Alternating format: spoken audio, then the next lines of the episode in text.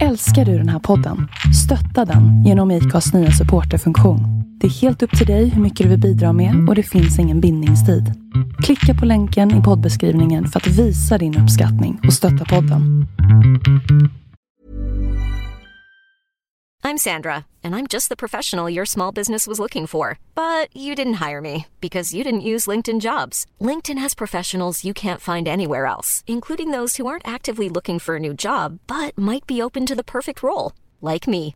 In a given month, over 70% of LinkedIn users don't visit other leading job sites. So if you're not looking on LinkedIn, you'll miss out on great candidates like Sandra. Start hiring professionals like a professional. Post your free job on linkedin.com/people today.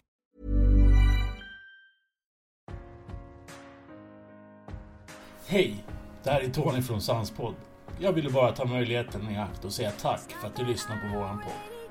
En podd som har sin grund i den kristna tron och som behandlar egentligen allt som tillhör livet. Vi är oerhört tacksamma för att just du lyssnar. När jag ändå har din uppmärksamhet så skulle jag vilja tipsa dig om att följa min egna podd som heter Har du en minut? Det är en liten annorlunda podd där jag delar med mig av korta betraktelser, andakter och annat som råkar susa i mitt huvud. Du hittar den bland annat på Spotify. Ännu en gång, tack för att du lyssnar på Sanspodd med Jesus i centrum.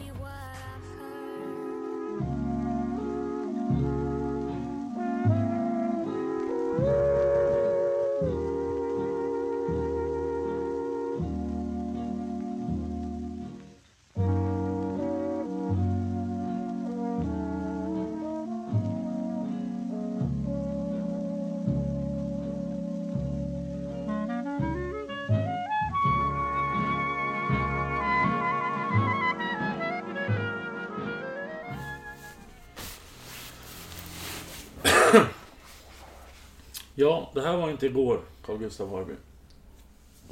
Som vi faktiskt tog oss tid att spela in en podd. Men så ibland så får man sån här jättefin eh, feedback från människor. Då får man ju ett otroligt sug efter att podda. Och eh, så har det varit för min del sen ja, den, de senaste dagarna. Att, att jag har känt ett allvarligt behov av att podda. Aha. Jag har in, ingen sån här specifik grej som jag skulle vilja prata om. Men det där brukar ju aldrig vara ett problem för oss. Mm. Snarare tvärtom. Du får eh, frågor. Varför har ni inte gjort en podd och sådana saker? Ja, ja, det får inte jag. Däremot så fick jag en kraftfull klapp på axeln av en liten unge. Sjunde eller åttonde klass, jag minns inte vilket. Som sa Jag har lyssnat på din podd. Allsina, tänkte jag. Och sen hann vi inte säga så mycket mer för att det kom in massa andra elever. Den var bra, hann han säga. Då slog det mig med stilla sinne medan eleverna satte sig ner att vad i all världen, den där lille tonåringen, varför har han letat rätt på, lyckats hitta? Vad är det som driver honom? Är det bara någon slump att han såg mitt namn och tryckte på den länken? Jag vet inte. Eh, Jag har inte undersökt det heller, det är- någon vecka sedan. Eh, Men jag tyckte det var så här backspegeln, en kraftfull klapp på axeln. Jag har ju en teori. Mhm. Och den teorin går ut på att man som elev eh, blir någon sorts hjälte i klassen om man hittar någonting på sin lärare som man på något sätt kan använda i något syfte. Ja, Och jag ja tror att det är en sån grej. det kan det nog vara. Det kan det nog vara. Eh, Om man hittar någonting negativt eller positivt, kvittar vilket. ja, alltså negativt är ju alltid bra att ha i bakfickan. Ja, ja, ja, naturligtvis. Positivt är ju ett sätt att ställa sig in på något sätt. Ja, det är ju inte lika bra i de andra elevernas ögon. Nej, men jag eh, minns en episod när vi var i Jönköping du och jag. Jag tror att vi hade varit på sjukhuset med ett av mina barn. Ja, ja. Och vi skulle äta på Pizza Hut. Det var det nog, ja. Just det. Och då kom det också fram en elev till dig. Ja, ja, ja, ja, just det. Och eh, elevens pappa också. Tror jag det var. Ja, ja, ja. Och pratade med dig. Och det verkar ju vara en ganska... Ungefär som det brukar vara med dig och dina elever. Att ni har en ganska... O... Vad säger man? O... Eh, Okul relation. nej men ovanlig elev-lärare? Ja, men jag är rätt tråkig mot mina elever. Eh, tycker jag själv. Jag får alltid fråga, vad ska vi göra idag?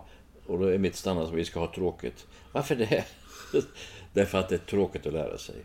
Det är kul att kunna, men det är tråkigt att lära sig. Det här är en sanning som alla begriper med själen. Och eh, alla begriper också att engelska är viktigt. Och naturligtvis är det inte särskilt kul att vara dålig i engelska. För då är man ju som sin farfar ungefär. Men... Eller fordonselev.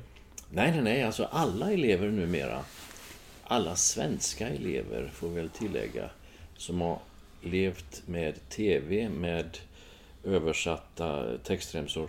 Eh, vi som har haft TVn som en extra lärare fast ingen har tänkt på det. Vi kan engelska på ett annat sätt än vad motsvarande elever i Portugal, Tyskland, Frankrike och du vet där man dubbar allting kan. Vi har alltså ett enormt försteg där.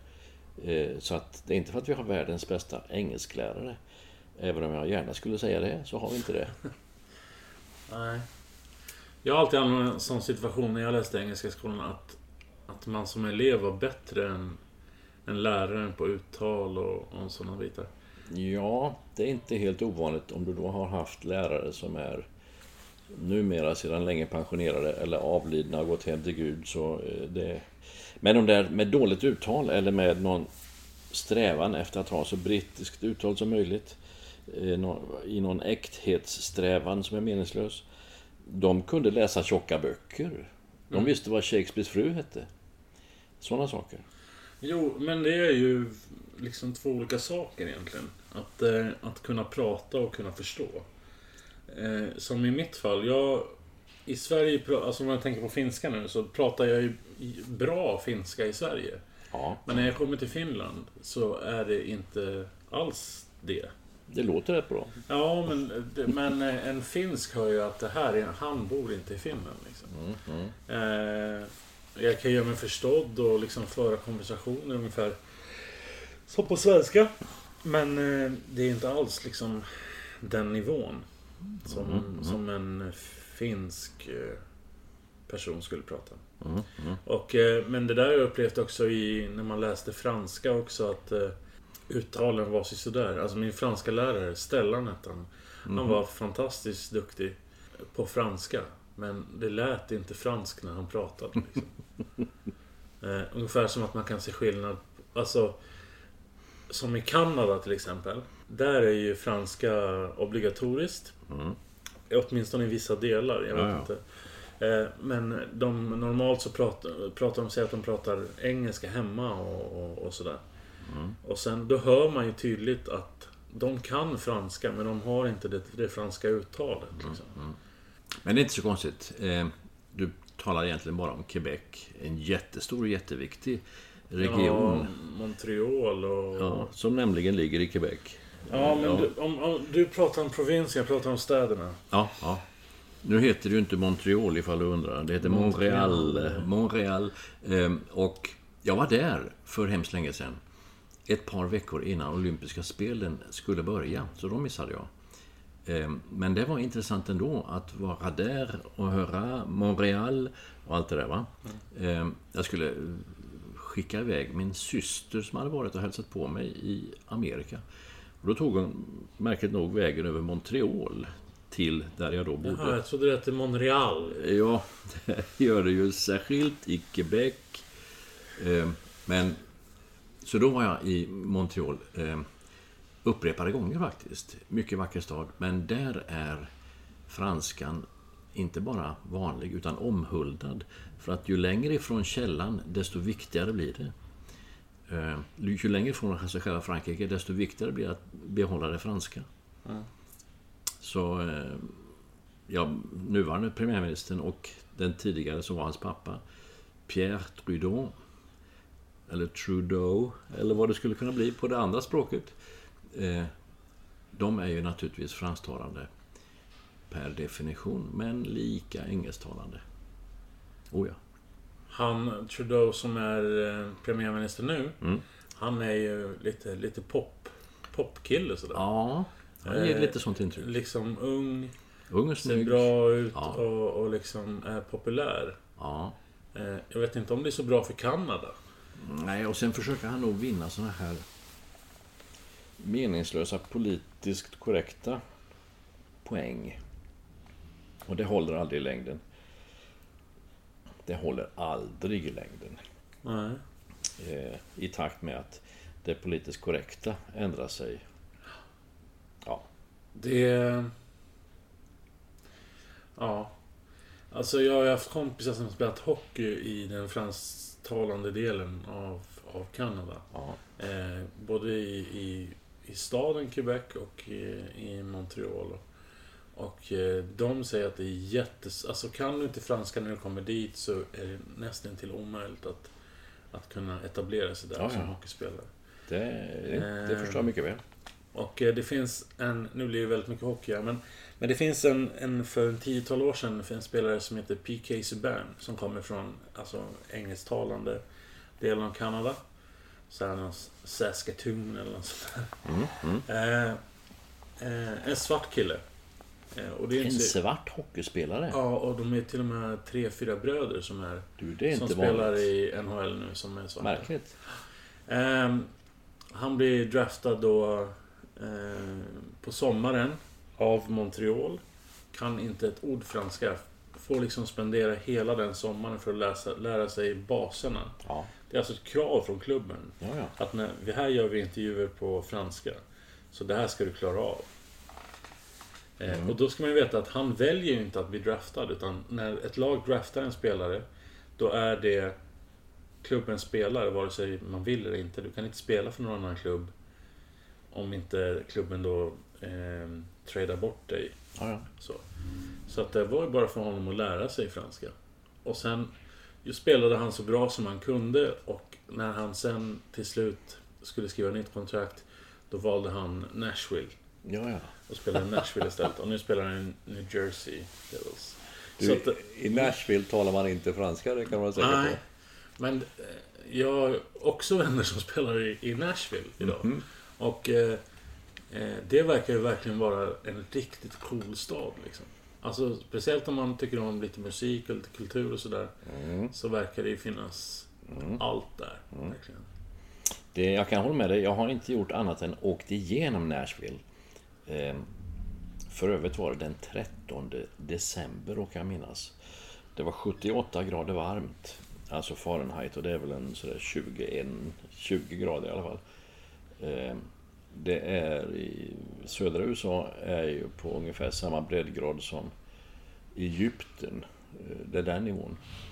Och sen räcker det med att man kommer några stater upp så är det nästan svenskt kyla och väder och elände. Ehm, och jag var på väg till Connecticut, som då ligger norr om New York. Och där var det svenskt väder. Och snö och man kände sig lite hemma. Det finns en eh, delstat som är otroligt svår att uttala. Massachusetts. Det är väl inget svårt? jo, det, jag tycker det är jättesvårt. Eh, och eh, jag gillade Boston som... Ja, ja, ja. Och jag gillar liksom den irländska ja. traditionen på något sätt som finns i Boston. Men av just att jag har haft svårt att uttala delstaten så har jag liksom aldrig fastnat för det riktigt. Massachusetts. Du, du har en poäng där. Jag har goda släktingar i Amerika som jag naturligtvis har besökt ett antal gånger. Och eh, de berättar om sina föräldrar och farföräldrar och sådär. Tidiga svensk-amerikaner som inte förstås lärde sig engelska på skolbänken utan genom the hard way, alltså genom att jobba och leva och försöka handla i närmsta affär och sådana saker. De bodde i Massachusetts, delar av dem, men kunde aldrig säga detta namn. Så de sa Maskahuset. Vilket ju var rätt nära. Ja, jag bor i Maskahuset. Ja, ja, då förstår de. Ja, de, eh, universitetet förkortas ju MASS. Ja. Där. Och det finns kanske en poäng med det. Nej, nej, nej. Massachusetts Institute of Technology, MIT. Eh, alltså det, det är mycket bokstäver hålla reda på där. Men det är ju en av de högsta utbildningsorterna på, alltså vad ska vi säga, Chalmers-sidan som finns i världen. Ja, nej, men eh, jag har ju naturligtvis följt collegehockeyn och då kallas de för UMass. Jaha, jaha, UMass. Eh, University of Massachusetts, liknande. Ja. Eh, och det är ju likadant, eh, eller inte likadant, men, men eh, som Michigan också kallas för... Eh, ja, det, de har ju två stycken där. Michigan State och sen... Eh, vad heter det andra tror jag? ja, ja, Ja, jag det. vet inte. Och så finns det i Minnesota också, det, som är jättesvensk inspirerat alltså. Alltså, majoriteten av de som åker till USA och spelar college hockey, de åker ju till Minnesota. Bara för att de är svenskar och känner sig hemma, eller vadå? Ja, jag vet inte. Det är, det är lite mer... Dels så anställer de mycket svenska tränare och svenska lärare och sådär. Ja. Eh, Men, men på något sätt, det finns en... Det är mest likt Sverige av alla delstater. Ja, liksom. det kan du tro. Det finns ju så här eh, Little Sweden och Ja, sådär. ja, Och, och, och på något sätt liksom. Så att det... Så att det, det jag vet inte. Det, men det var ju också dit många svenskar hamnade. Liksom. Ja, inte utan anledning för att när man väl är där och ser och känner och hör och allt det där, va? Det, då är det som var i, i Småland. Eh, Det är likt. Och likheten har ju en viss trygghet där. Ja. Ingen slår ju upp sina bopålar i Nevadaöknen och säger här ska vi minsann leva vårt liv du Greta lilla. Nej. Nej, Och på den tiden så var ju, existerade ju inte Nevada alls. nej, nej. nej. Utan det var ju bara en öken. Ja. Så jag kan förstå att svenska amerikaner hamnade men, där. Ja, men jag kan också förstå det på något sätt för att jag kommer ihåg när jag var... Det här måste vara 1990. Julen 1990 firade vi på Las Palmas. Eller i Las Palmas på Gran Mm. Eh, precis bredvid det hållet där Sällskapsresan är jaha. inspelad. Eh, och under hela den veckan så gick vi på finska och svenska restauranger och åt liksom. Ja, ja, ja. Eh, det var ju finnar och, och svenskar som hade flyttat dit och startat upp restauranger eftersom det var mycket billigare än i Sverige på Mm. den tiden. Mm.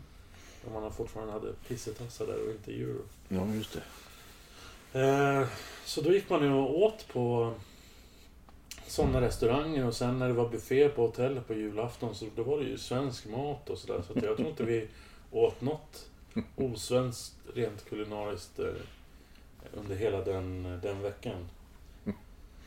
Är det inte en underrubrik till någon av de här sällskapsresefilmerna? Finns det svenskt kaffe på hotellet? Ja, precis. Eh. Ja, det är ju i bussen från Jaha. flygplatsen. Så eh, står det någon reseledare där och pratar och eh, sen berättar... Eh, ja, sen frågar någon familjen Stork från Mjölby. Storch. Storch. Storch. Eh, och frågar ju om det finns svenskt kaffe på hotellet. Ja, det finns det. Ja. Storch. Är det den kärringen hon vill heta Storch men får heta Stork hela tiden? ja. Ja, det är ju en av poängerna Och sen är ju Svante... Grundberg. Ja, han spelar ju mannen i den Jaha. Så att eh, han är ju jättelång. Så de blir ju storkar då liksom. Är inte han död nu? Visst dog Ja, han här han- veckan? ja. Eller här månaden eller någonting? Ja, han dog ganska nyligen. Ja. Alla de här eh, ikonerna från, som jag minns från min barndom från tidigt 80-tal. Eh, har ju gått bort. Brasse Brännström, Magnus Ja, ja, ja. Härenstam. Eh, ja, Svante Grundberg och liksom, de dör ju stup i ett här. Ja, inte som- utan anledning. De är gamla. Ja, men alltså vad är de? Kan de vara 70-årsåldern? Ja, 75 plus i alla fall. Ja, Svante Grundberg vet jag inte, men... Men som Sven Melander, han är ju still going strong. Ja. Och han kan ju inte vara 70, över 75. Så känns det inte. Jo, han kan nog vara i krokarna. Ja, ja. Och Arne Weise gick ju bort här ganska nyligt också. Ja, Vad var det? 90 plus åtminstone? Ja. Han gifte väl om sig när han var 75 eller. Okej, okej. Så att... Eh, Ja, varför inte? och hans son är i min ålder. Det ska man komma ihåg. Ja, det är lite märkligt, å andra sidan. Ja. Hur kan man ha en sån ung son och vara redan begraven? Ja. Eh, Och ja, din egen pappa, din biologiska pappa är faktiskt död och eh, du är i Arne Weises sons ålder så att det funkar Ja. ju. Det funkar ju. han... han eh, man vet inte. Arne Weise kanske var en riktig renlevnadsmänniska. Det vet man inte. Det kan tänkas. Undrar om inte han var folkskollärare som alla andra i TVn på den tiden. Det blev en hel hop utav lärare och liknande folkbildare som kom till Sveriges Radio, som allting hette på den tiden. Även när det var TV så hette det Sveriges Radio. Och blev programledare, hallåer eh, och så där vidare. Det var säkert inte en dålig, ett dåligt val. Det var säkert ett medvetet val också. TV-chefen då, Nils-Erik Berends, han, han var inte bara folkskollärare, för han hade doktorerat på Selma Lagerlöf. Det var en sån här folkbildare som hette duga.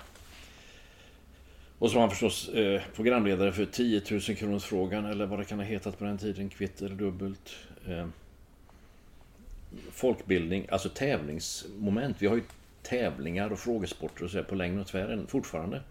Men det är som om vi behöver det, vi människor. Kunna sitta hemma och titta på de som får en fråga och försöka eh, klara av det också. Min fru och jag har ägnat god tid åt ett tv-program som heter vi har inte många tv-program gemensamt, det ska jag säga. Hon gillar tv-serier och jag gör vad som helst utom att titta på det. Men ett program heter Kulturfrågan kontrapunkt. Och det är, det är nivå och jätteintressant. Så det är också sån här, fast lite mer Östermalm och lite mindre Ullared över det frågeprogrammet. Jag har aldrig talat om Kulturfrågan kontrapunkt, då är det hög litteratur, hög konstnärlig Men jag tänker att du skulle gilla så här program som Fråga Lund när man ställer så Jo, här men det är också, eh, det är också intressant naturligtvis. Oh ja. Eh, Men... eh, Alltså Kulturfrågan kontrapunkt heter ju så efter att man arbetade i kölvattnet på Musikfrågan kontrapunkt med Sten Broman för 30-40 år sedan. Som fortfarande har något sånt där ointagligt publikrekord. För det sändes över Sverige, Norge, Danmark och Finland, märkligt nog. Samtidigt, nordisk television. De har någonting i stil med 12 miljoner tittare. Eh, och det kan ju ingen slå längre när vi har 100 kanaler. Nej. Det är väl fotbolls-VM då kanske. Ja, jag tror knappt de kan få ihop det heller. Om Men, man eh, räknar ihop alla länderna så... ja, ja, då kan hända. Då kan hända. Det var en utveckling i hockey och TV. Ja. Vilka lustiga eh, ämnen du tar upp. Ja. Det var, det var i Kanada vi hamnade i och då... Då är det som att man ber om att vi ska prata om hockey. Ja.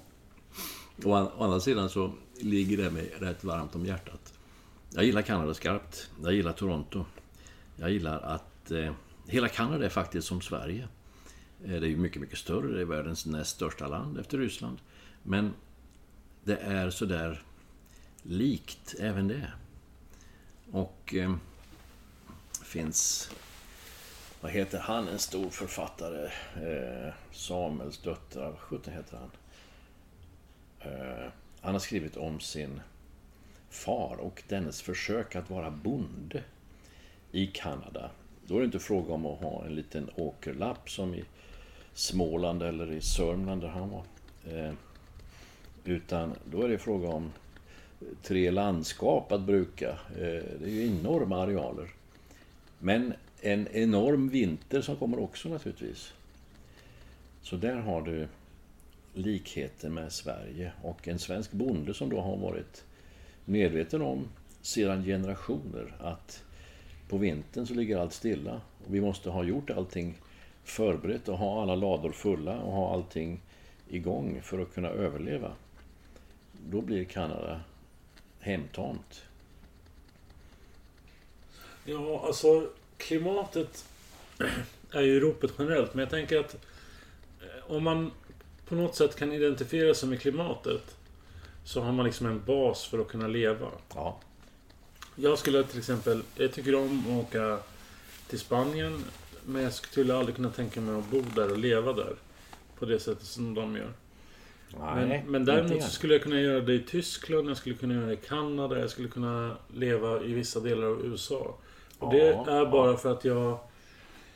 Ja, det finns så mycket likheter med hur det svenska systemet liksom fungerar. På något Ja, sätt. ja. Åtminstone i Kanada och sådär. USA är ju extremt på alla sätt, åt alla håll. Jo, men det är ju då öken och eh, kalla vintrar under samma dag, beroende Mm. på var du är i landet.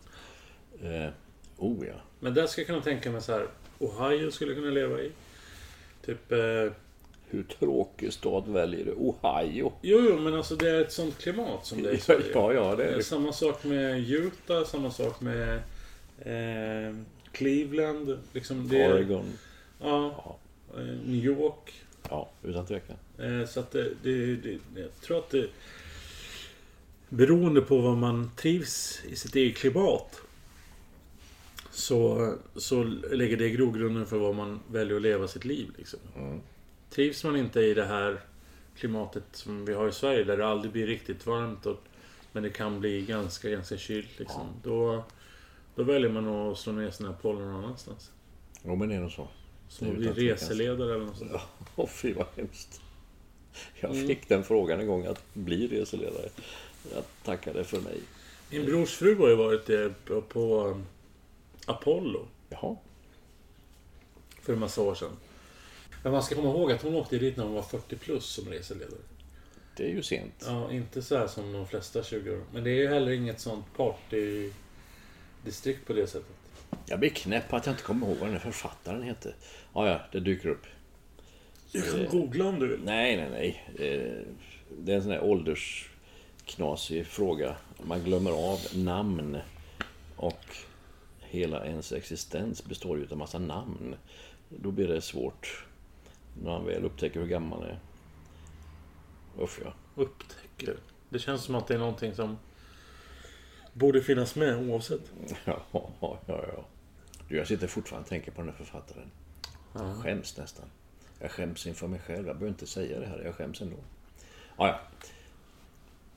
Mot nya mål och nya unga poddlyssnare på högstadiet. Ja. Har du förresten eh, någon uppdaterad... Nu är jag nyfiken här. Eh, var i världen vi har våra lyssnare? Nej. Det var, eftersom vi inte har spelat in på ganska länge så har jag inte haft Ja, ja. någon vidare koll på det där. Ja, ja. Men eh, det är ju, handlar ju om prenumeranter som följer. Så att det, eh, så fort vi släpper ett avsnitt så kommer ju få er av det. Det är hängivna lyssnare med andra ord. Ja, eller ja, dumma i huvudet. Lite så. Man får ju liksom... Men just det här formatet har jag alltid tyckt om. Men ju, ju mer jag sätter mig in i det här, ju mer upptäcker jag hur jag på något sätt eh, ja, men verkligen andas eh, det här forumet på något sätt. Alltså att eh, så fort jag kommer hem och ska göra någonting som normalt är dyngtråkigt som att tvätta eller vika tvätt eller eh, diska eller städa och sådär. Då slänger jag på hörlurarna och sen en podd på telefonen och sen går allt av en fart liksom. Det är väldigt eh, lättillgängligt. Ja, men du är nästan inne på det vi, var, det vi nämnde förut. Det här folkbildande. Eh, Det fanns på 50-talet en, en eh, ansvarig människa för Sveriges Radio på den tiden det bara fanns radio och inte TV som hette Per-Martin Hamberg. Och han ledde också en del sina kunskapsdrivna program. Eh, och i god folkbildningsådra Eh, Det var på den tiden man inte riktigt eh, talade lika mycket om utbildning som om bildning. Så om det hade ett egenvärde, och det har det verkligen.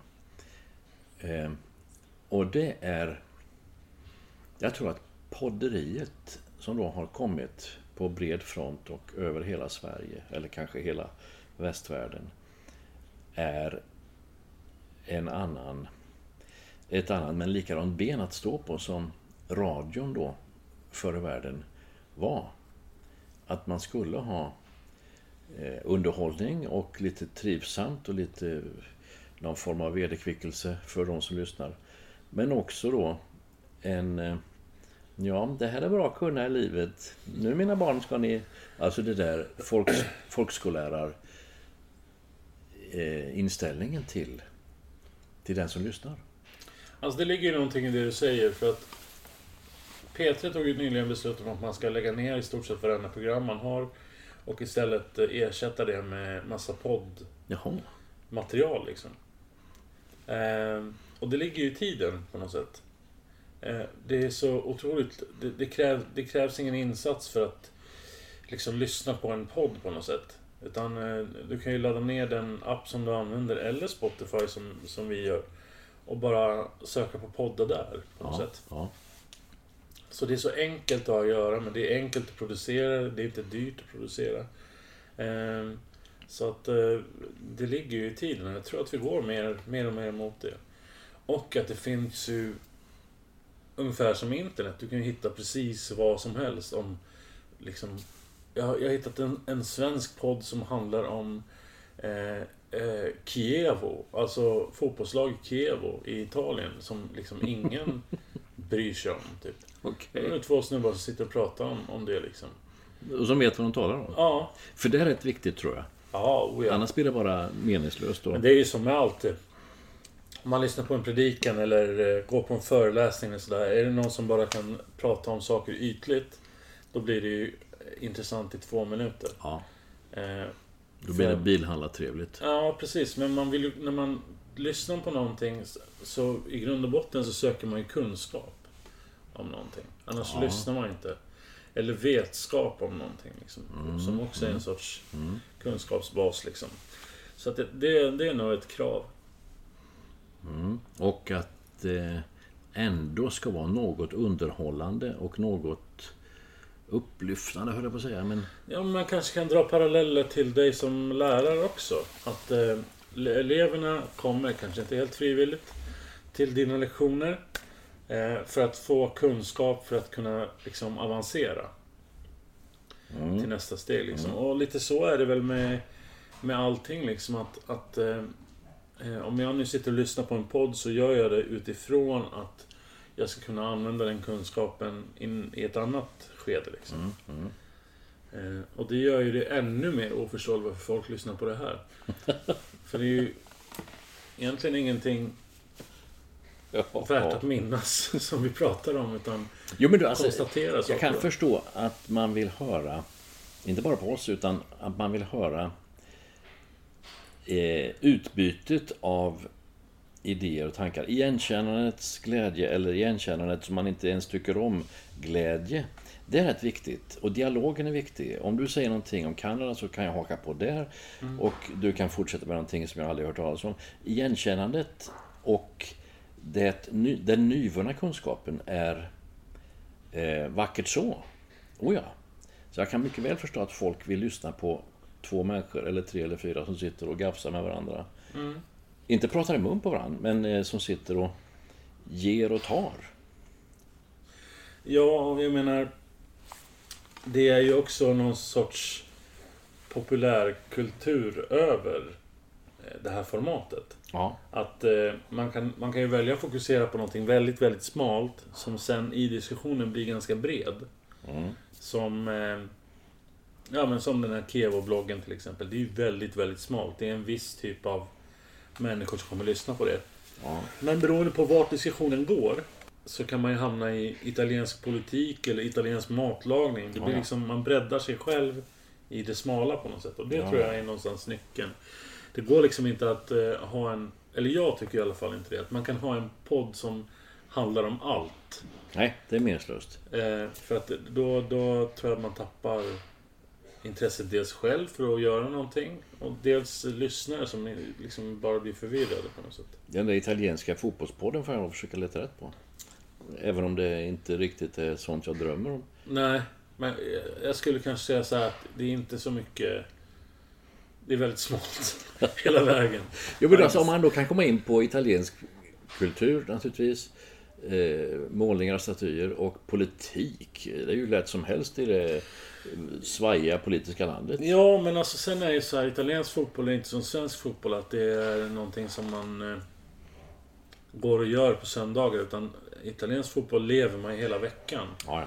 Och eh, det, eh, alla klubbar i Italien ägs ju av, av liksom väldigt rika män. Och väldigt rika män är de som gör karriär inom politiken Ja, i, i Italien. Så att det blir ju både det ena och det andra. Berlusconi som är mycket rik, har han ägt något fotbollslag? Ja, AC Milan ägde han. Men sen, Milan, själva Milan. ja, Det var det värsta. eh, och sen eh, ägde han ju RAI, TV-bolaget. Ja, ja, det är klart. Som hade alla rättigheter. Ja. Som man under i sältet. Du, alltså det fanns en fantastisk nobelpristagare i litteratur. Han är död nu sedan några år tillbaka. Det brukar vara deras grej. Ja. Nobelpristagare, de dör gärna inom något år eller så efter att de fick sitt pris. Ja, så man får det inte direkt efter högstadiet. Nej, Han fick det efter lång och trogen tjänst i på något sätt vis folkbildning också. Han heter Dario Fo. Och från Italien, från Milan minns han. Han var född vid Gardasjön tror jag. Men levt och verkat med sin mycket vackra och duktiga fru Franca Rame. Hon i sin tur kom från en lång räcka utav Commedia dell'arte-figurer, alltså sådana här eh, pajasliknande street eh, skådespelare som åkte från by till by och satte upp sin vagn och eh, tog betalt för att folk skulle skratta åt dem. Eh, en gammal fin tradition från Italien som i och för sig har funnits i alla möjliga. Vi har ju buskis i Sverige motsvarande. Men Dario Fos grepp, det var Commedia dell'arte men med en politisk udd. Eh, utan tvekan så. Jag hörde honom i Stockholm den 15 mars 1980. Det där råkar jag veta väldigt noggrant och väl att det var den 15 mars, inte bara för att det är Caesars dödsdag. Det kan ju vara kul att veta. Utan för att dagen efter åkte jag tillbaka till Tranås och blev tillsammans med min dåvarande flickvän som är min nuvarande fru. Det är ju värt att minnas, bara en sån sak. Ja, för Då är- i alla fall. Ja, för henne. Utan tvekan. Eh, då var han på eh, eh, Stadsteatern och hade en, en, ett seminarium. Dario Fo. Då var han inte jättekänd i Sverige men blivit något populär genom Björn Granat och en del andra som hade lanserat hans fantastiska pjäser. Eh, mycket plastiskt. Om du tänker dig Ola Forssmed som kan rinna ner för en stol. Eh, utan leder i kroppen. Sån var han med en mimik som, som gör ordet gummiansikte verkligen eh, rättvisa. Och samtidigt då med en politisk udd. Och med en politisk udd blir det ju naturligtvis en vänsterudd i det där katolska och mycket konservativa landet. Björn Granat, som också har gått bort. Ja, faktiskt.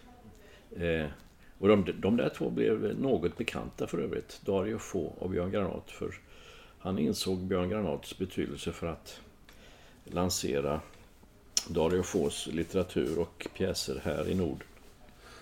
Hur det nu var. Så gjorde han en, en av de sista pjäserna han skrev. Så är innehållet i den pjäsen. Jag har inte hört den, inte sett den, inte läst ingenting. Jag bara känner till den. Hur Berlusconi och Vladimir Putin byter hjärnor i någon transplantation. Och, eh, och sen är det förvecklingar på det. Och det är ju naturligtvis ett intressant tema att skriva en pjäs om och gestalta på scen. Berlusconi och Vladimir Putin. Två mycket kända och inte sådär erkända individer i Europas liv, kulturliv och politiska liv byter hjärnor. Och Berlusconi han blir ju vansinnig och stämmer Dario Fo inför domstol för detta kränkande beteende. Och då finns förstås pjäsen redan utgiven så som eh, i bokform alltså för att kunna köpas och spridas vidare. Men den här stämningen kommer av sig av ett enda skäl. Därför att den finns utgiven på ett förlag som Berlusconi själv äger. och där dog den stämningen. Oj. Det låter som det var rätt många som fick sparken där. det kan nog tänkas. När du pratar om bildning, då tänker jag... Alltså jag vet inte varför jag kommer att tänka på det, men jag kommer att tänka på Björn Skifs och jag kommer att tänka på Arne Högerfors. Ja. Som hade den här Krysch. Ja, ja, ja, ja. Minsann. Det var ju verkligen sån här lördagsunderhållning. Ja. Och sen efter det kom den här... Väckte de liv i den här 10 000 kronors... Frågan. Ja. Ja, det är bildning så det förslår. Eh, och då, jag kommer ihåg när jag var liten och tittade på det där. Att det tänkte jag att det där skulle jag vara bra på. Alltså om man fick välja ett ämne som man... För är det någonting som, som personifierar mig. Så är det att när jag hittar någonting så nördar jag ner mig något fruktansvärt i det. Ja. Eh, och jag är ju projektmänniska alltså, ute i fingerspetsarna. Okej. Så jag, jag nördar ner mig så mycket och sen kommer det till ett stopp och säger nej, nu är inte det här intressant längre. För då, då ger det mig inte någon ny information liksom. Mm, mm. Så jag tänkte alltid att det där skulle vara någonting för mig. Ja, det skulle säkert vara bra på det. Mm. Ja, jag har en elev som är jätteduktig i fotboll. Så pass, han går nia nu, så att han ska naturligtvis läsa på ett fotbollsgymnasium. Men det finns så många som helst. Men han ska gå i Borås. Elfsborg. Ja, och det är liksom sådär självklart att han ska gå där. Och har redan liksom kommit in eller fått öppna dörren på ett eller annat sätt. Och då är det fråga om kontrakt och påskrivningar av och sådär. Eh, Så det är faktiskt lite hög nivå redan när han inte ens har lämnat grundskolan. Denne i alla fall, han, han ställde en fråga en sen fredag eftermiddag. Vi skulle ha engelska. Ställ en fråga. Ja, vadå? Ställ en fråga om fotboll. Jag är bra på fotboll. Ja, jag vet det. Ja, du är bra på fotboll. Om jag kan svara på den, då får vi gå. Okej, sa jag. Jag ska ställa en fotbollsfråga till dig och om du kan svara så slutar lektionen redan här och nu. Är det det du säger? Ja. Och alla i klassen var förstås med på noterna. De tyckte det var häftigt. Men det kan ju bli en svår fråga. Ja, jag kan. Jag kan. Okej. Och då ställde jag... Jag var ju tvungen att hitta på en fråga där naturligtvis. Alltså kontrollerbar fråga. För de kan ju googla på längden och tvären så att jag gick inte bara hitta på utan jag var tvungen att ha en kontrollerbar fråga. Och då sa jag så här, ja, Sverige har vunnit eh, eh, brons i VM. Ja, 94. Nej, nej, nej. Alltså, jag menar inte då. Lugn här min vän. Eh, Sverige vann VM-brons. Broms? Brons. 1950 redan. Jaha, då blev han ju lite svajig. Och eh, världsmästerskapen gick i Brasilien. Jaha. Och han var ju med. Men... Eh, och då är min fråga. Vad hette Sveriges målvakt? Och det var ju en fotbollsfråga. Det var ju precis vad han då behövde. Kom igen nu, kom igen nu, sa de andra. Och han, stackaren, han kunde ju inte svara på det. Och så la jag till. Och sen bör du också kunna, i vilken klubb i Sverige han spelade. För att riktigt vrida om kniven i såret. Och du har tio sekunder på dig. De var ju med, de tyckte det var rättvist, även om det var på tok för svårt. Du, Tony Lappalainen, svara på den frågan. Jag är ingen fotbollsnörd, men jag skulle säga rent... Jag skulle säga att han tillhörde eh, typ Sleipner eller IFK Norrköping i alla fall. Ingen dålig gissning. Sleipner var dåligt, men IFK Norrköping, de hade ju halva landslaget på den tiden. Ja. Eh, nej, jag skulle vara Agnes Simonsson. Agnes Simonsson från Örgryte. Är du kul eller? Vet säger du. Norrköping. Agnes Simonsson han är mm, tio, eller i alla fall åtta år senare, när hon vinner VM-silver på Råsunda. Nej, han heter Kalle Svensson, målvakten, och han spelar i Helsingborg. Och eh, det kunde ju förstås inte denne mycket trevliga elev jag har. Men sen blev det veckan efter. Ställ en fråga. Och nu har det varit så varenda fredag. Och jag är inte så förberedd på det där alls. Det är jag inte verkligen. Men det måste ju bli alltså en fotbollsfråga. Och så, och så blir det lite, lite svår nivå. Lite svårgooglingsnivå för att alla flickor sitter med sina telefoner. Och försöka hänga med i mitt resonemang och byta sidor och sådär. Och så har du 10 sekunder på dig. Ja. ja men det där, man kan ju ta det som ett... Eh, liksom att de vill sluta tidigare. Ja, det är klart. Men, men, men på något sätt är det också någonting som aktiverar hjärnan på ett sätt som normal undervisning kanske inte gör. Ja, i alla fall ett annat spår. Ja. Nej, men alltså jag tänker rent, rent generellt att, att eh, det kräver en an, annan typ av eh, inlärning för att kunna, kunna det. Och det. Det får man kanske normalt inte i skolan. Nej, alltså all inlärning den är... Det där tillhör ju mer allmänbildning än någonting annat. Ja, ja, ja. Så och- att, eh, Eller om du så vill, folkbildning. ja, Jag gillar det ordet. det har ju försvunnit mer och mer. Ja, dessvärre har det. Och samma sak med fortbildning, det säger man inte längre heller. Ja, men det är ett tråkigt ord. Fortbildning, det är ju sånt där... Nej, men det är ju vidareutbildat. Ja, fy så tråkigt. Eh, men det är... Själva bildningen har ett... Eh, har ett värde i sig på något sätt. Ja, jag kan inte riktigt säga varför. Men du kan få en fråga till. Jag nämnde alldeles för en bra stund sedan Shakespeare, Shakespeares fru. Vad hette hon? Greta. hon hette Anne Hathaway. Och eh, det är ju sånt där man inte precis behöver kunna. Men det finns ju faktiskt en skådespelerska, amerikansk Ja. skådespelare som heter så. Ja, det råkar vara så. Eh, och det ena har kanske gett det andra, men hon var först själva frun till Shakespeare. Ja, det får man ju nästan utgå. Ja. Hörru du, vi ska försöka eh, sno ihop det här nu. Vi började i Kanada. Jag sitter fortfarande och tänker på den där författaren som jag inte kom på namnet. Ah, ja, kör. Eh, vi började i Kanada.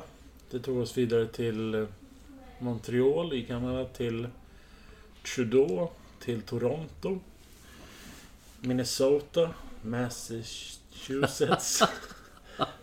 eh, UMass, till eh, bön, att vara bonde i eh, Kanada, till att nu på något sätt knytas ihop i Shakespeares fru. Är jag något sån här?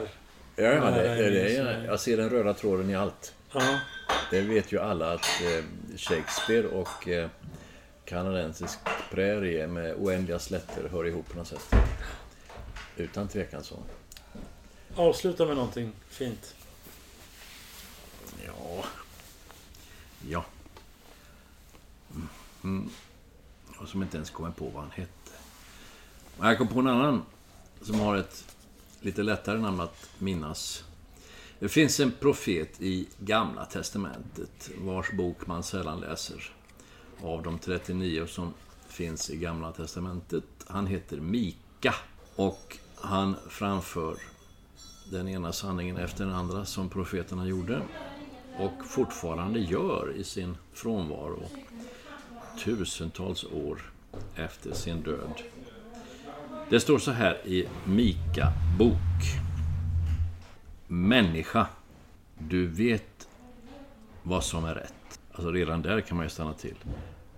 Människa, ja. Det är ju alla på jorden. Det är ju allt utom träd, gräs, fiskar och djur. Det här handlar om alla av Guds skapade människor. Människa, du vet vad som är rätt. Och det enda Gud kräver av dig, det enda Gud vill ha av dig, så tror jag det är formulerat, det är att du gör det rätta, att du lever i kärlek och att du troget håller dig nära Herren. Jag tror jag citerar ganska rätt ifrån Mika bok. Människa, du vet vad som är det goda. Att du gör det rätta, att du lever i kärlek och att du troget håller dig nära Herren Gud. Och det är inte så lite. Alltså, varenda människa vet ju på något sätt vad som är det rätta när vi ska leva. Inte bara att man kör bil rätt, att man tänker rätt, att man säger rätt. Och allt det där skulle kunna ha en överrubrik samvete. Och det är nog ungefär vad vi har. Något gemensamt, universellt, globalt gällande samvete. Hur olika kulturer, religioner och ursprung vi än har. Alla vi människor. Man skulle kunna koppla den där sanningen ifrån Gamla Testamentet med en annan, nästan parallell viktig sanning ifrån Jakobs brev i Nya Testamentet. Säger Jakob så här. Närma er Gud, så skall Gud närma sig er. När man känner sig långt borta från Gud och mår pyton och liknande, då kan du vara säker på att Gud har inte rört sig ur fläcken. Det är jag som är ute och svajar någonstans. Så första steget enligt Jakob, eller enligt Mika, närma dig Gud. Det är du som tar steget mot Gud och så kommer han närmare dig på halva vägen. Jag vill bara påpeka att du har tagit upp Mika i den här bloggen tidigare. Så det är inte så ovanligt som du tror. Har jag det? Tack för idag. Ja, det är ju någon folkbildning också det. Tack för idag. Ja, tack så mycket.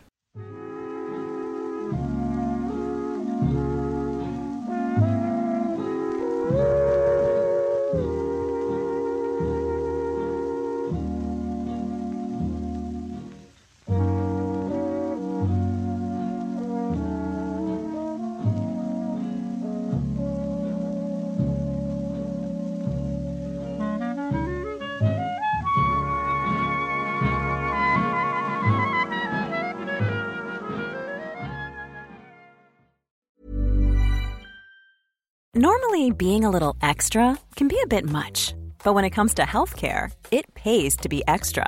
And United Healthcare makes it easy with Health Protector Guard fixed indemnity insurance plans. Underwritten by Golden Rule Insurance Company, they supplement your primary plan, helping you manage out of pocket costs without the usual requirements and restrictions like deductibles and enrollment periods. So when it comes to covering your medical bills, you can feel good about being a little extra. Visit uh1.com to find the Health Protector Guard plan for you.